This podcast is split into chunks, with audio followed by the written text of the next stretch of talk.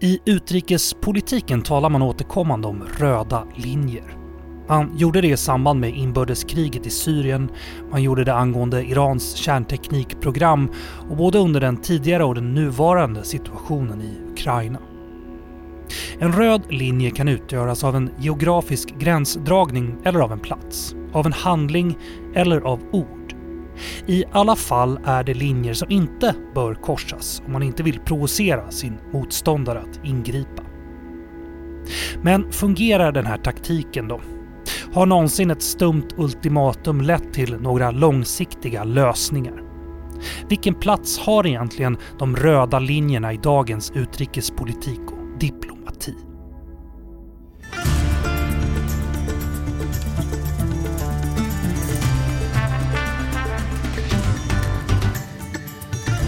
Det här är Utrikespolitiska institutets podd Utblick. Jag heter Jonas Lövenberg. Ja, I det här avsnittet ska vi ta oss an vad som kallas Red Line Diplomacy eller röda linjer. Och förutom att försöka reda ut vad begreppet innebär så ska vi också prata om hur den här tekniken påverkar olika situationer och hur effektiv den egentligen är. Och för att hjälpa mig förstå de här röda linjerna har jag med mig på länk hela vägen från Dhaka i Bangladesh, Viking Boman som är analytiker på Nationellt kunskapscenter om Kina som är kopplat till UI. Då. Välkommen Viking! Tack så mycket, kul att vara med.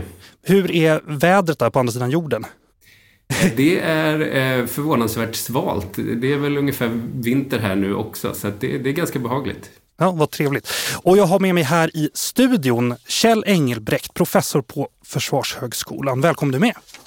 Tack så mycket. Vi ska börja med definitioner. Alltså jag beskrev ju det här delvis i introt, men jag ska börja med att fråga vad är röda linjer helt enkelt? Viking.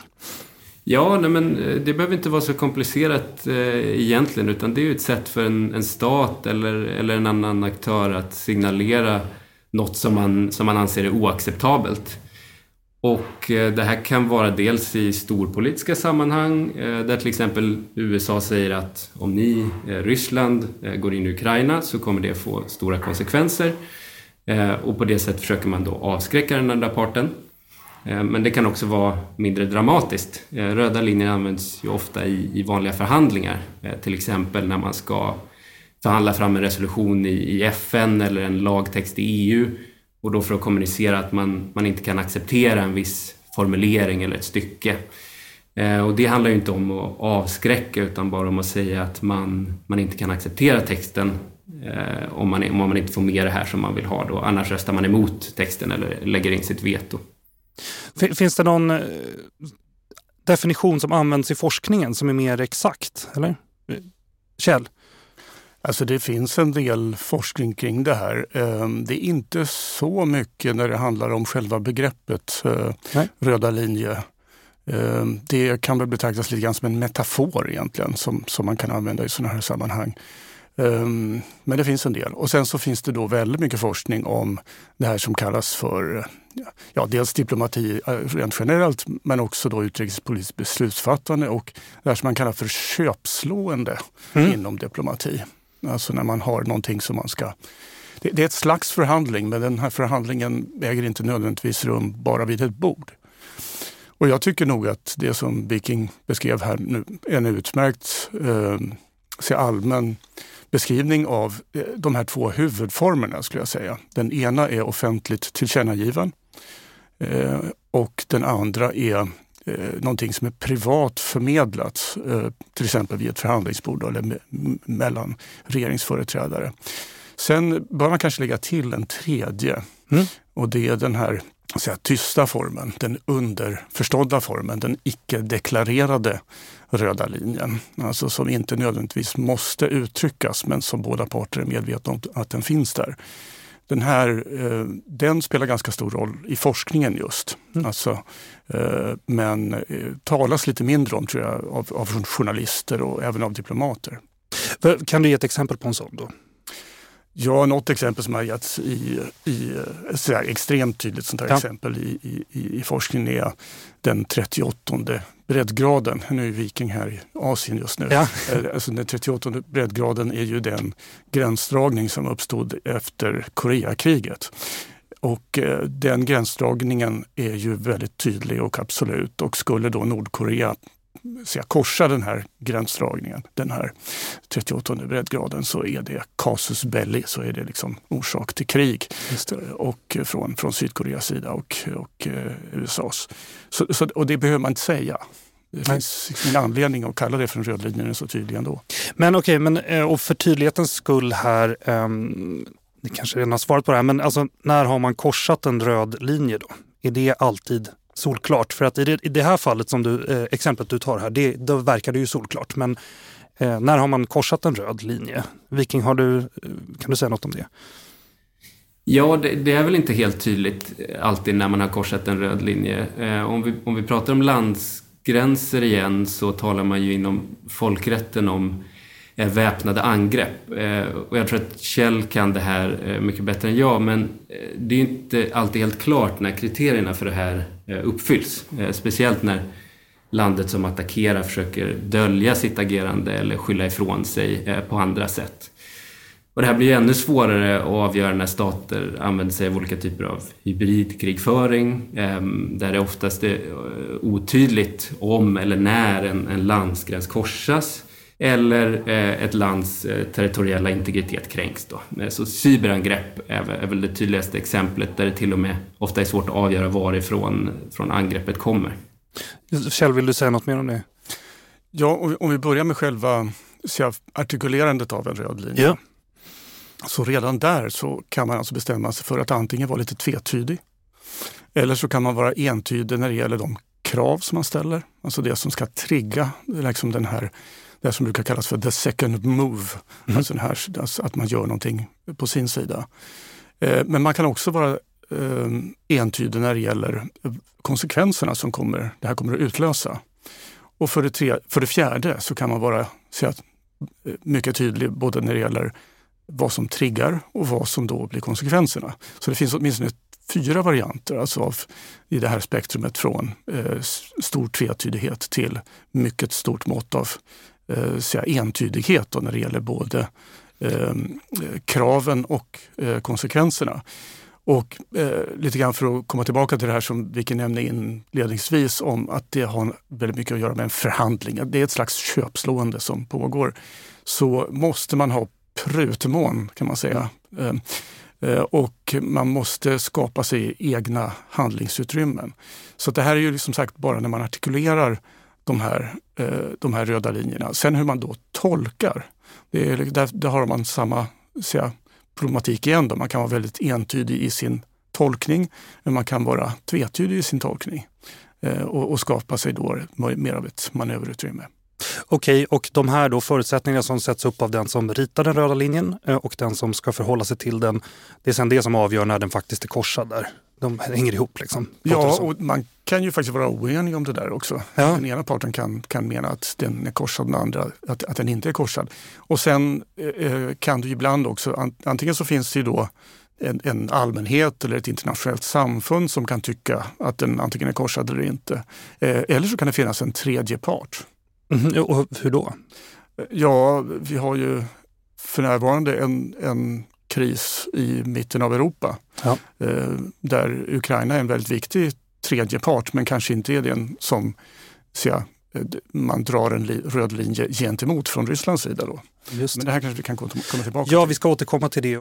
det har, då har vi etablerat på något sätt vad röda linjer är på pappret i alla fall i alla sina olika former i tvetydighet och även om de är tydliga och sådär. Så nu ska vi eh, lyssna på det här tänkte jag.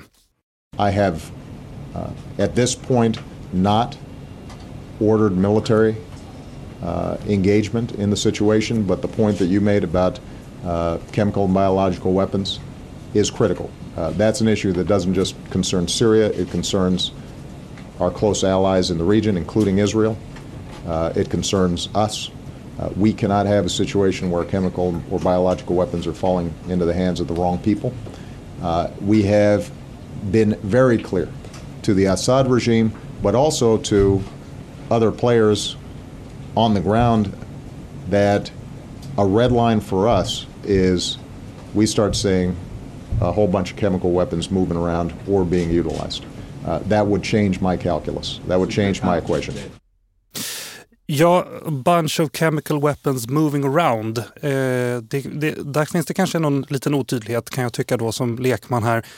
Eh, Kjell, kan du berätta om den här situationen? Det här var ju då, jag kan säga först då, det, den här presskonferensen är från 2012 och 2013 då, året därpå så eh, använde Assads armé någon typ av gas, man tror att det var saringas och eh, 1400 personer dödades. Så hur gick det med den här röda linjen egentligen? Ja, det tvistar man faktiskt fortfarande om. Eh, ja. Men det finns en, en allmänt spridd uppfattning i alla fall, framförallt kanske i USA men även på annat håll, om att eh, en dimension av det här, nämligen den här underliggande hotet om våld, alltså själva konsekvenserna då inte var, var någonting som var väldigt, som, som man menar var, var tydligt att det skulle följa någonting sånt. Eh, eh, att det då inte fullföljdes, det, det har då liksom försvagat USAs roll när det gäller eh, sina här interventioner och försvagat kanske även då konstitutionellt eh, i termer av praxis i alla fall, eh, US, USAs presidents möjligheter att, att eh, besluta om intervention eh, eh, utan att fråga då kongressen. Just det. Jag är inte så säker på att det, det, det är många som inte håller med om det där. Sen kan man ju säga också att det som skulle åstadkommas var ju att se till att eh, Assad-regimen inte använder sig av kemiska vapen i, den här, eh, i det här inbördeskriget. Och i och med att man då fick eh, till stånd ett, ett slags arrangemang med den syriska regimen, med en, en, en internationell NGO eh, med stöd av Ryssland också, eh, så lyckades man ju se att eh, avlägsna en, en mycket stor del av alla kemiska vapen i Syrien. Så det kan ha kommit ganska mycket gott ut av det här att Obama inte använder då militärt våld. Eh, men å andra sidan då så eh, Assad använde sig också av kem, kemiska vapen längre fram också. Så det, det är heller inte entydigt. Så, så det här är någonting som man faktiskt tvistar om fortfarande. Ja, vad spännande och det här pekar väl kanske då på hur, hur lurigt det här sättet, den här typen av diplomati kan vara. Det, det, finns ju sen det här storpolitiska sammanhanget. Eh, som, det finns ju också de som menar att i och med att Obama då visade sig svag inom citationstecken mm. i det här läget så eh, såg Ryssland eh, en, en möjlighet att, att, att eh, agera militärt. För det, det, var ju det som skedde sen under månaderna efter den här incidenten. Och att då väldigt starkt understödja eh, Assad-regimen, vilken så småningom ju har kommit att, att vinna tillbaka de större del, nästan hela territoriet eh, i Syrien. Så det, det, det, är också den här dimensionen tror jag, som det är inte bara det här beslutet att inte intervenera 2012 som, som, som är det som man håller emot Obama, utan även då det här att man var för svag i ett strategiskt spel som pågick här och, och liksom öppnade vägen för, för eh, Ryssland att återkomma som en stark spelare i Mellanöstern. Vi ska ta ett annat exempel och det handlar om Kinas röda linjer om Taiwan och mobilteknik och konflikten med Litauen. Och det har du jättebra koll på, Viking. Vad, är det, vad handlar det här om? Ja, nej men i korthet så kan man väl säga att eh, Kinas ledare tycker att Litauen har korsat en av deras röda linjer och eh, som svar har man då infört eh, kraftiga ekonomiska åtgärder. Ehm, och jag tänkte jag ska säga lite om bakgrunden till det här först. Ja, gör det. För det handlar om, för det handlar om eh, Taiwan. Ehm, och för den som inte vet då så är, är Taiwan ett territorium utanför Kinas östkust som i praktiken fungerar som ett självständigt land. Man, man har ett avgränsat territorium, en president, ett försvar och så vidare. Men regeringen i Peking ser Taiwan som en provins i Kina, inte som ett eget land. Och eh, budskapet till Taiwans regering det är att om ni tar steg mot självständighet, eh, då är vi beredda att, att använda våld för att återförena Taiwan med fastlandet. Eh, så, så, det är en röd linje som Kina har eh, direkt i förhållande till eh, Taiwan. Ja. Men, sen, men sen anser man också att alla uttalanden eller ageranden från, från andra länder som antyder att, att Taiwan skulle vara ett självständigt land eh, också är oacceptabla. Så man vill framförallt inte att Taiwan deltar i, i FN eller i andra internationella organisationer eller att andra stater har diplomatiska relationer med Taiwan. Och de, och de länder som ändå har diplomatiska relationer med Taiwan, eh, det är ett dussin ungefär, de har Kina inte några diplomatiska relationer med. Så att eh, Kina har tvingat omvärlden att välja här kan man säga. Ehm, och, och de flesta länder har då valt att ha diplomatiska relationer med Kina, inte med Taiwan. Ehm, I sitt utbyte med Taiwan har man alltså ingen ambassad, ingen ambassadör och så vidare. Ehm, men, men Eh, det är många länder som ändå tillåter Taiwan att ha eh, representationskontor i sina länder som gör att man kan ha utbyten av olika slag. Eh, och det finns till exempel ett sånt i Stockholm då och de här kontoren kallas i regel för Taipei, alltså efter huvudstaden i Taiwan. Eftersom det då inte är lika tydligt att det handlar om ett, ett lands representation utan det hade lika gärna kunnat vara ett kontor kopplat till en, en provins i Kina. Och, och nu, nu, kommer jag till poängen här. Eh, ja. Att det som Litauen nu har gjort är att man har tillåtit Taiwan att, att öppna ett kontor som faktiskt är döpt till Taiwan. Man kallar det för Taiwan, Taiwanese Representative Office. Eh, och det här har då gjort Kinas regering väldigt upprörd, eh, så upprörd att man har vidtagit en lång rad diplomatiska och ekonomiska åtgärder för att försöka tvinga tillbaka Litauen på, på rätt sida av den här röda linjen kan man säga. Man har bland annat kallat hem sin ambassadör, man har kapat stora delar av handelsförbindelserna med Litauen och eh, man har försökt isolera landet ekonomiskt genom påtryckningar på, på europeiska företag också. Och, och, genom att agera så här starkt då så har man nog faktiskt lyckats skicka en signal till andra länder om att det kostar mycket att korsa den här röda linjen. Eh, och det återstår att se nu om Litauen kan, kan upprätthålla det här beslutet. Eh, man har visst stöd från, från USA som kan hjälpa till, men den politiska enheten har svajat lite och eh, om man backar från beslutet så, så kommer Kina verkligen ha lyckats att signalera trycket som de kan uppbåda helt enkelt är för, för stort för ett, för ett litet EU-land att eh, hantera. Jag förstår. Och det, det, den här delen om mobilteknik också, det finns väl en del av det i, i det här. Har det med handelsförbindelserna då att göra, eller? Eh, ja, just i, i fallet Litauen så är det nog inte det som har varit den utlösande faktorn. Um, det fallet såg vi ju eh, snarare i Sverige när eh, svenska myndigheter eh, tog ett beslut om att utesluta Huawei och ZTE från vissa delar av 5G-nätverken. Då blev Kina väldigt upprörda och har sedan dess också eh, dragit ner på Ericssons tillgång till deras egen marknad. Så det, det, är en annan typ av, av, av, röd linje men, men kanske inte lika tydlig som i, eh, i fallet Taiwan. Då. Men eh, då undrar jag då, hur, hur har Litauen liksom eh, stått emot här då hittills? Vad har de gjort? Eller vad har de, klarar de sig utan förbindelserna med Kina? Eller hur blir det för Litauen här? Ja, nej men det, det var eh, först eh, tidigt i den här eh, konfrontationen var det så att många från, på, på den litauiska sidan sa att vi kommer nog klara det här ganska bra för det är bara ungefär 1 procent av vår export som går till Kina. Så det är väldigt litet om man jämför med eh, andra europeiska länder. Eh, och eh, vi, kan, vi kan klara oss ut, utan den, trodde man då. Eh, men sen eh, så har Kina liksom använt sig av en stegrande form av tvångsdiplomati där man, man ökar trycket, inte bara på eh, Litauen utan man, man sätter också tryck på europeiska företag och säger att ni får inte använda komponenter som tillverkas i Litauen. Eh, och, och eh, på andra sätt då försöka få eh, europeiska företag att dra sig tillbaka från Litauen. Och det här sätter ett ganska stort tryck på den litauiska ekonomin, har i alla fall potential att göra det. Ehm, och det var här för någon vecka sedan då eh, som den litauiska presidenten som eh, inte kommer från samma parti som koalitions eh, eller som, som, som utrikesministern då kom ut och sa att han tyckte att det var ett misstag att eh, döpa det här kontoret till Taiwan. Att man kunde ha kallat det Taipei istället. Ehm, och då undvikit en stor del av det här, den här konfrontationen. Ehm, så att vi får se vad som händer helt enkelt. Ja, vad spännande. Kjell, vill du säga något om den här konflikten?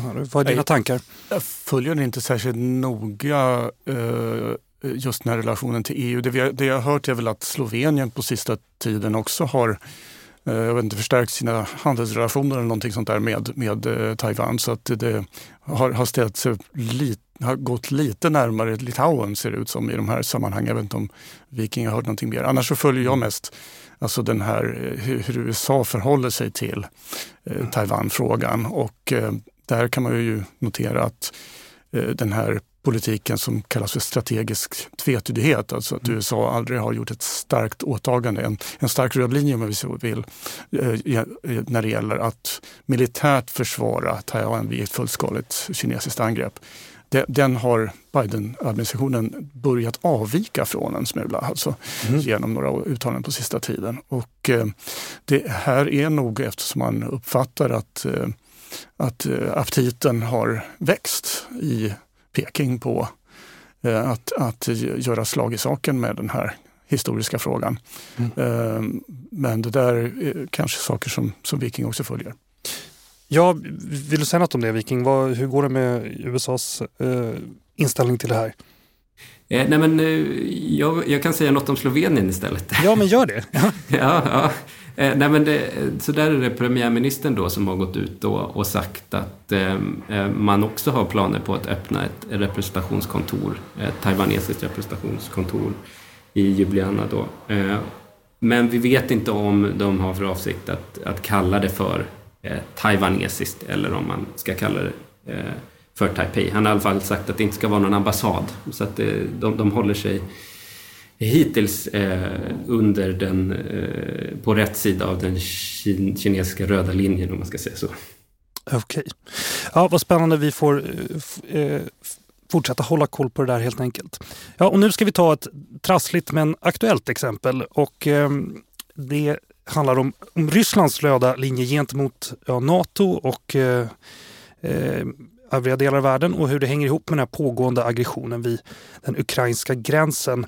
Ehm, utan att försöka spå för mycket i framtiden så eh, Kjell skulle bara kunna förklara vad de här eh, linjerna har för del i åtminstone ursprunget till det vi ser nu. Eh, ja, det är faktiskt inte helt enkelt. Nej. Det är ju Ryssland självt där som talar om röda linjer. Ja. Och det klassiska är väl ofta egentligen att man vill att någon ska avstå ifrån någonting. Som i det här fallet med Kina då, att man inte ska kalla någonting för en ambassad. Och sånt där. Men här så handlar det om att förändra någonting. Så att eh, här så försöker man att påtvinga en lösning. Eh, och den, man ställer alltså upp eh, eh, just nu då, ungefär 130 000 soldater längs med den ukrainsk eh, ryska eller ukrainsk eh, vitryska gränsen. Eh, och ehm, eh, säger sig inte hota men vad man gör med handling kan man ju säga är att man militärt eh, hotar ukrainsk suveränitet och självständighet och territoriell integritet. Och sen så ställer man krav på förändring av den europeiska säkerhetsordningen, vilket då Ukraina inte har sådär väldigt mycket att göra med. Man sitter ju inte med vid bordet i EU och NATO och så vidare. Så vi får en väldigt paradoxal situation här. Och då är det nog av betydelse också att eh, den ryske presidenten vid några tillfällen har eh, uppgett att han egentligen inte respekterar ukrainsk suveränitet och territoriell integritet utan han anser att det här är ett, ett slags Ryssland. Ehm, och då får vi, ehm, ja, hur ska man då förhålla sig till de här så kallade röda linjerna som någonting som mest har att göra med den här säkerhetsordningen eller är det en förevändning för att eh, ja, ta, antingen så jag gå in och ta, göra till delar av Ryssland, de här delarna som redan separatisterna har så jag, skaffat sig. Jag menar, Krim är ju redan tydligt att det är ja. införlivat i Ryssland men även då den här Donbassregionen skulle man kunna införliva genom ett militärt ingripande. Men, men frågan är om man också då är beredd att gå längre eh, militärt sett. Eh, och I så fall är det kanske Ja, så är frågan, huvudfrågan här säkerhetsordningen eller är huvudfrågan Eh, att man vill ha en förevändning för att eh, ingripa militärt i Ukraina? Just det, så man använder en för tydlighetens skull en röd linje som kanske som en förevändning då. Och bara också för tydlighetens skull, det handlar om vad är, det, vad är det Ryssland har motsatt sig mer exakt? Det är ett eventuellt medlemskap för Ukraina i Nato, eller hur? Och även då eh, det skulle leda till att Nato skulle kunna ha militär utrustning i, i Ukraina och det är det här man då på pappret säger att man motsätter sig? Eller? Ja, alltså det är igen det här paradoxala att man, de uttryckliga krav, de offentligt tillkännagivna ja. kraven, de rör den europeiska säkerhetsordningen. Ja. Men det man konkret gör i sitt handlande, det är ju att man ställer sig längs den ukrainska gränsen med, med, med militära resurser. Och då är frågan, vad ska, vi, ska vi lyssna på vad de säger eller ska vi titta på vad de gör? Ja, just det. Eh, Ja, en, eh, vi får, det, det, här får vi ju verkligen se hur det går. Vi eh, ska väl säga att när vi sitter här och spelar in så är vi eh, mitt i det här skeendet så att om några veckor kanske vi har helt andra saker att säga om det. Men det var apropå alltså hur röda linjer förekommer i den här dialogen som har föregått det som händer i alla fall. Men så då är vi framme vid en fråga då, så när fungerar röda linjer då? Det känns som att vi har haft så många exempel här där det inte funkar, kanske funkar, funkar lite och sådär. Eh, Kjell, vill du börja? Ja, alltså det, jag tror att de kan klargöra vissa saker. Alltså det, ja. det, det, här exemplet som vi nämnde inledningsvis med att man sitter vid ett förhandlingsbord och sen så eh, säger den ena diplomaten till den andra att, att eh, det här är våran, min regerings röda linje. Det kan ju då liksom strukturera förhandlingen på ett konstruktivt sätt. Eh, och eh, har man också väldigt starka säga, nationella preferenser så är det väl kanske inte så dumt att de kommer till uttryck eller att de på något sätt, ett eller annat sätt tydliggörs då, så att andra kan förhålla sig till det. Men det finns också väldigt mycket av eh, ja, eh, bluff, eh, vilseledning och därför så måste man ta alla sådana här uttalanden med en, en stor nypa salt. Eh, så att det, det, är ett inslag i förhandlingar har egentligen alltid varit, alltså, eh, inte bara i modern tid utan tidigare, eh, att man använder sig av någonting i linje med sådana här röda linjer. Viking, har du något att säga om det här? Eh, när funkar det egentligen?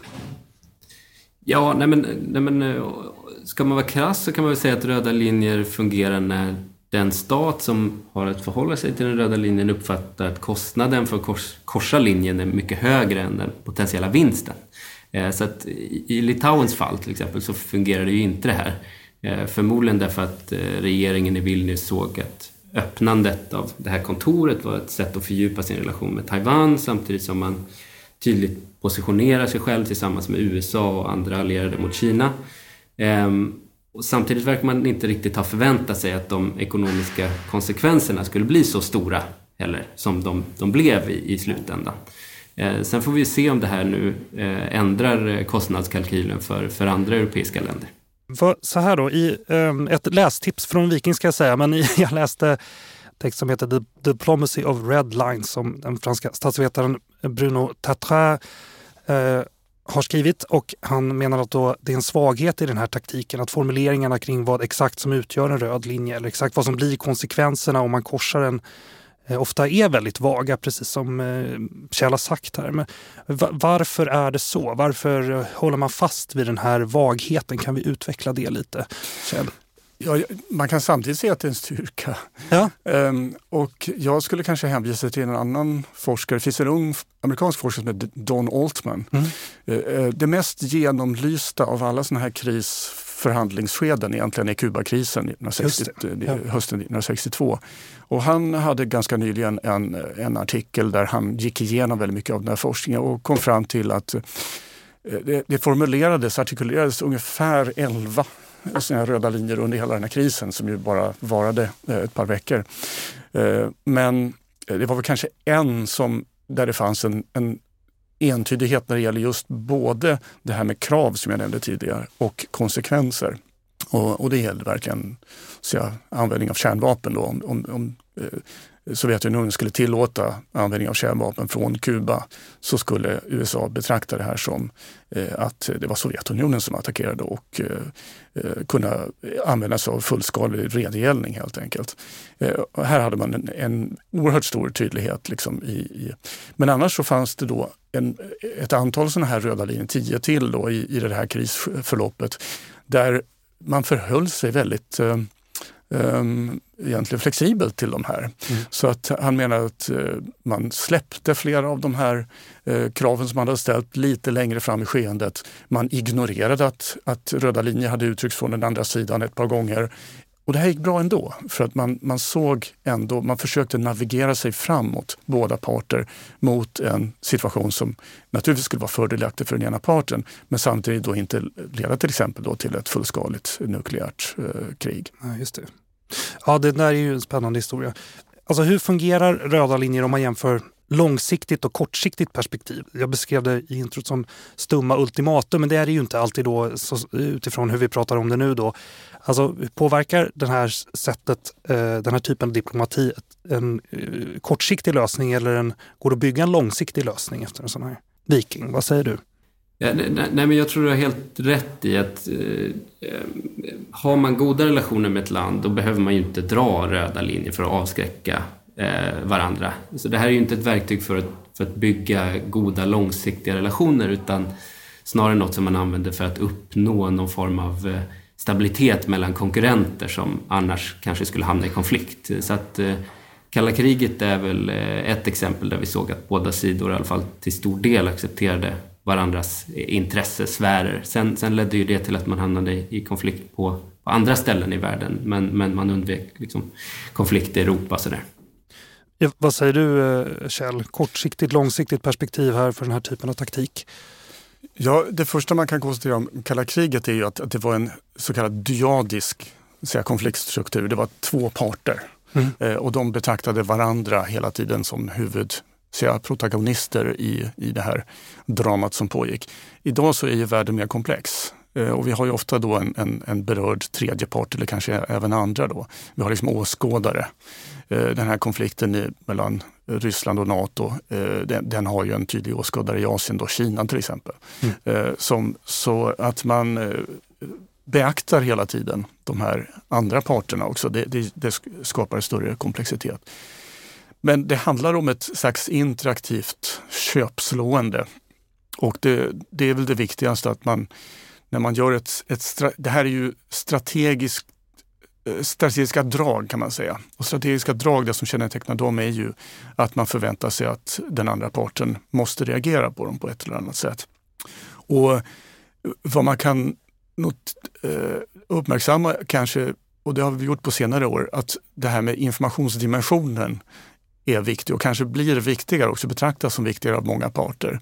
Att eh, det handlar ganska ofta om att försöka eh, justera förväntningshorisonter. Mm -hmm. eh, och det är många som har eh, menat att det, det, är mycket det som man håller på med både i Asien och i, i Europa för, för närvarande. Då, de, de här stormakterna som försöker utmana USAs maktställning i världen på, på olika sätt. Att vad de sysslar med är att justera förväntningshorisonter. Eh, för vem? vem är, vems förväntningar? Eh, ja, det är nog egentligen allas våra okay, ja. horisonter. Ja. Både, både USAs men även då hemmaopinioner och, ja. och tredje part. Att, man, att det ska vara, anses vara normalt att eh, eh, Kina agerar på ett sätt som, som, som, som gör att de, de mindre länderna i, i närområdet får huka sig lite grann. Ja. Eh, Kina är nu stort och mäktigt och det var det ju historiskt också så att det är, vi återgår till ett normalt tillstånd egentligen. Och lite grann på, på ett likartat sätt så agerar eh, Ryssland i, i vårt närområde och menar att det är helt normalt att, att eh, eh Ryssland vill ha en, en slags buffert kring eh, kring sitt eget territorium. Och det, det bör andra acceptera. Du sa eh, i förbifarten här, eh, hemmaopinionen, det tycker jag är intressant. Vad, hur, kan det vara så att man drar röda linjer Eh, åskådaren sa du var ju tydligt här att de är, det är någon man tar hänsyn till men också för hemmaopinionen. Kan det vara så att egentligen så är det inrikespolitik det handlar om ibland? Eller? Det finns ganska många som menar att just det här som sker i Europa idag är primärt Eh, på grund av att Putin har dalande popularitetssiffror. Och det hade han ju 2013 också precis innan eh, Krim annekterades. Så ja. att, eh, det, det är många som noterar. Går det att skydda sig mot den här taktiken på något vis? Kan man förebygga att, att någon drar en röd linje för en? Eh, Viking, vad tror du? Eh, ja, alltså det beror nog på om vi pratar om röda linjer då i, i hårda militära frågor eller om det är mera politiska röda linjer. Ja. Men om, om, om vi pratar om röda linjer i, i sammanhang där det, där det inte finns en direkt risk för militär konflikt så kan man ju alltid syna den andra sidans röda linjer. Ja. Och det vi, sett, det vi har sett i Europa då under de senaste åren det är att Kina har satt upp röda linjer väldigt långt fram. Man säger att man inte kan acceptera några uttalanden som kan på något sätt tolkas som att man lägger sig i Kinas interna angelägenheter. Eh, så man får inte kritisera situationen för mänskliga rättigheter i Xinjiang, läget i Hongkong eller liknande.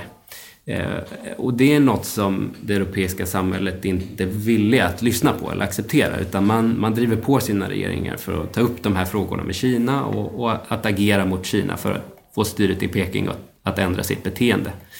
Eh, men eftersom Kinas röda linjer här hela tiden korsas så urholkas deras trovärdighet på något sätt. Så Kina kan inte bemöta allt agerande och skapa en kostnad för, för alla som vågar kritisera. Ehm, så att, eh, det här är ju en taktik, att, att korsa en röd linje genom att liksom överbelasta den.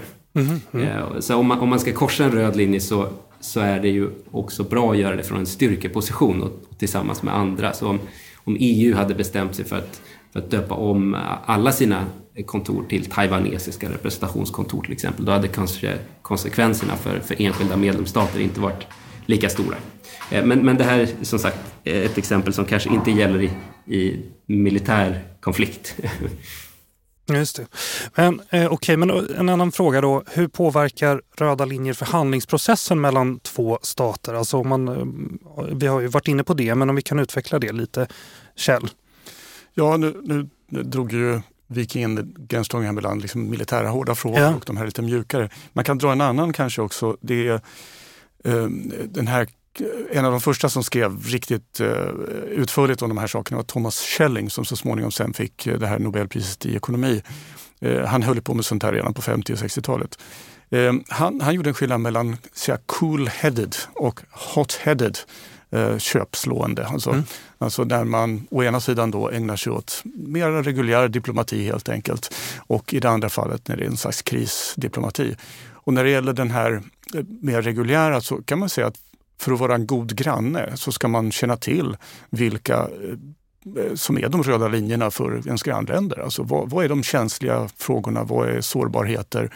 Och är man då en god granne så försöker man att arbeta runt de här liksom och försöker kanske till och med hjälpa till, hjälpa grannarna att, att, eh, så att de inte hamnar i såna här situationer att de känner att de måste artikulera en, en, en röd linje. När det gäller krisdiplomati sen, sån här hot-headed diplomacy eller bargaining, så tror jag att röda linjer alltid kommer att vara en del av det helt mm. enkelt. Mm. När, det är, eh, när man befinner sig i en kris så här så måste man artikulera vilka som är Eh, de eh, yttersta värdena som, som man kommer att försvara med alla medel. Och i den mån som då man inte har bara goda grannar utan sådana som, som vill eh, Eh, vinna någonting på ens egen bekostnad så, så kan man behöva vara väldigt, väldigt tydlig med det också och till och med då att det finns ett underliggande hot om någon slags sanktion eller till och med våld. Alltså, tonen i den politiska diskussionen har ju hårdnat överlag de senaste åren. Många verkar vilja ha liksom, hårdare tag eh, på alla möjliga politikområden. Är röda linjer en del av den här trenden, tror ni, Viking? Mm. Ja, alltså det, det, det, finns nog en tendens hos eh, individer och kanske stater också som pratar om hårda tag att också använda begreppet röda linjer. Eh, men det är inte alltid som eh, man har en röd linje där man säger att man har det. Så i en förhandling till exempel så, så säger ju Eh, vissa länder att liksom, det här är vår, vår, röda linje men sen som, eh, som Kjell var inne på i Kubakrisen, så när det blir kritiskt läge och man blir pressad eller om man behöver, eh, om man kommer på att man kan få ut andra saker, om man kompromissar, då kan man helt plötsligt acceptera vissa av de här sakerna eh, ändå. Så, att, så att, eh, det visar sig då att det här kanske inte var en genuin, liksom, rö, regelrätt eh, röd linje helt enkelt. Tjej, vad säger du om, om det här? Tror du att det är en, eh, någonting liksom som ligger i tiden att använda den här typen av språk? Men det kan det nog eh, göra och det har lite grann med att, att vi gradvis är på väg att få en annan struktur inom eh, säga, internationell politik. Och, eh, och eh, enkelt uttryckt så blir den mer polycentrisk, då, eller multipolär som vi brukar säga. Och jag tycker vi ser ganska många tendenser av att länder som eh, utan, förutom då USA, försöker skaffa sig lite av ett manöverutrymme och ibland då just på andra länders bekostnad och inte minst då på bekostnad av småstater som man föreställer sig då antingen ska lägga sig platt eller åtminstone vara beredda att kompromissa helt enkelt när man, när man då eh, eh, har mycket större resurser till sitt förfogande. Och där så är tror jag, stormakter kända för att vara lite autistiska som man brukar säga. Så att de, de, de tittar mest på in, in, inåt eller, och så tittar de då mot andra stormakter och de är inte riktigt uppmärksamma på vad mindre stater runt omkring eh, vill eller har för önskemål eller också har för röda linjer. Mm. De, de tenderar att ignorera dem. Och där så blir det ibland lite tuffa uppvaknanden tror jag för att vi befinner oss inte, det här är inte 1700-talet eller 1800-talet, utan små stater har väldigt många förgreningar. Dels till andra stora stater men också till internationella organisationer eh, Eh, och, och, och ehm, nätverk och så vidare. Och därför är det inte så lätt, lätt att köra med de här småstaterna som det kanske var för ett par hundra år sedan. Men, och kan du ge några fler exempel där? För min nästa fråga var faktiskt, förhåller sig små och stora stater olika till röda linjer och i så fall hur? Det är väl det, är det du pratar om. Har du något, eh, är, är Litauen här ett exempel då till exempel? Ja, jag vet inte riktigt vad som ligger till grund för varför Litauen agerade på det här sättet. Det, det, så det, det, har jag svårt att uttala mig om. Men jag tror att småstater har liksom inte råd att ha så många röda linjer, men de de har, mm. de håller de fast vid. Kan, kan, det vara så också att den, eh, om de stora staterna här då liksom ger sig på de små länderna, om, om de små länderna går ihop, är det en risk då också för de stora staterna? Eller? Ja, och i viss mån så är vi ju så interdependenta i idag. Alltså, vi är så mm. ömsesidigt beroende av varandra inom ekonomi men också ja. genom alla de här eh, organisationerna som EU och Nato och, eh, och, och eh, andra regionala organisationer runt om i, i, i, världen. Så att, så att när de små känner att de här stora börjar röra på sig och utöva någon slags påtryckningar så, så finns det också en, en större mått av solidaritet dem emellan. Viking, vad säger du om det här? Eh, hur förhåller sig små och stora stater olika till den här typen av språk och diplomati?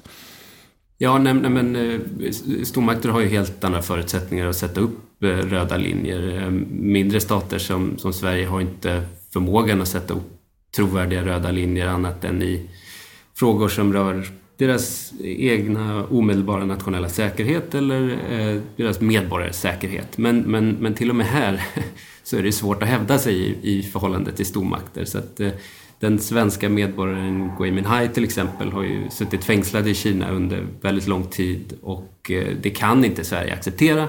Eh, men tyvärr så är de medel som man har till sitt förfogande för att göra något åt det här eh, väldigt eh, begränsade. Eh, sen, sen, kan jag bara lägga till att jag tycker det är väldigt intressant det här Kjell säger om, om eh, tendenser i stormaktsbeteende för det, fast, det passar eh, perfekt in i Kinas eh, agerande i Europa och sådär. Man ser, man ser eh, sina relationer med EU-länder väldigt mycket utifrån en konkurrens med USA eh, och EU blir någonting som, som ligger däremellan som, eh, som man konkurrerar kring, så att säga. Men skulle ett, ett mer eh, enat Europa eller ett mer ska vi säga, välfungerande EU kanske ha eh, bättre motståndskraft då mot det här, låter det som, eller? Ja, men absolut. Så är det. Ehm, och det Litauen har efterfrågat här, det är ju stöd från EU. Man vill eh, att EU ska ta fram ett instrument, ett anti-coercion instrument, för att hantera den här typen av tvångsdiplomati. Eh, men eh, den ska förhandlas mellan EUs medlemsstater också. och Det ligger förmodligen långt fram i tiden. Eh, men tanken med det då är, är, att man ska sätta upp en egen röd linje och säga att vi accepterar inte den här, den här typen av ekonomisk tvångsdiplomati. Och så fort någon utomstående, Kina eller Ryssland eller något annat land, använder sig av, av sådana åtgärder, då ska vi slå tillbaka. Och man hoppas då att det här ska avskräcka Kina Eh, från att göra det här i fortsättningen. Eh, jag är lite tveksam till om det kommer lyckas, eh, även om man, man etablerar ett sånt där instrument. Eh, men vi får se. Vad spännande. Då kommer vi till sista frågan här. Avslutningsvis, vad, vad, tror ni om framtiden för den här strategin med röda linjer som vi har pratat om idag? Kommer det att öka när tonen mellan länder hårdnar ytterligare eller kommer det bara upplevas som, som tomma hot? Vad, Kjell, vad säger du? Ja, jag nämnde väl redan att jag tror att det är en, en uh, väsentlig del av krisdiplomati. Där ja. tror jag definitivt att det kommer att fortsätta. Sen uh, kan man ju hoppas att vi får en framtid där vi får lite mer av röda linjer som förmedlas privat, alltså i, i förhandlingar och, och, lite mindre av de här offentligt tillkännagivna. För att de har ju inte bara en konstruktiv sida utan ibland också en, en destruktiv. De, de, de låser fast positioner och lås, de, de, det uppstår precis, prestige eh, eh, för den som uttalar den här, att, att man ska hålla sig till den här också. Eh, men som jag sa, det är ofta en tolkningsfråga. Exakt vad kraven är, exakt vad konsekvenserna är och exakt hur man ska tolka huruvida man har korsat en sån här eller inte. Så det finns alltid en slags diplomatisk prutmån här. Viking, vad säger du om framtiden för röda linjer? Ja, nej men, nej men jag håller helt med. Och, och, om vi antar att eh, konkurrensen för mellan stater ökar som du gör på vissa håll, då kan, då kan det nog vara nödvändigt att sätta upp eh, röda linjer på, på nya områden eh, för att skapa någon form av grundläggande stabilitet i relationerna. Det här gäller ju speciellt då i och med att nya teknologier och metoder för hybridkrigföring börjar, börjar användas. Så att till exempel så antog EU under 2019 en, en ny sanktionsregim som riktar in sig på individer ansvariga för cyberattacker. Och det handlar ju om att dra en gräns och säga att cyberattacker mot EU kan få en kostnad eh, med slut, slutmålet att, att avskräcka eh, sådana attacker. Viking Boman, analytiker vid Nationellt kunskapscenter om Kina. Kjell Engelbrekt, professor på Försvarshögskolan. Tack för att ni kom. Tack så mycket. Tack. Nu har du hört Utrikespolitiska institutets podd Utblick. Om du vill veta mer om UIs forskning och omvärldsbevakning tycker jag att du ska titta in på ui.se. Där kan du även hitta Vikings rapport The Limits of Economic Coercion Why China's Red Line Diplomacy is Failing in Lithuania and the Wider European Union.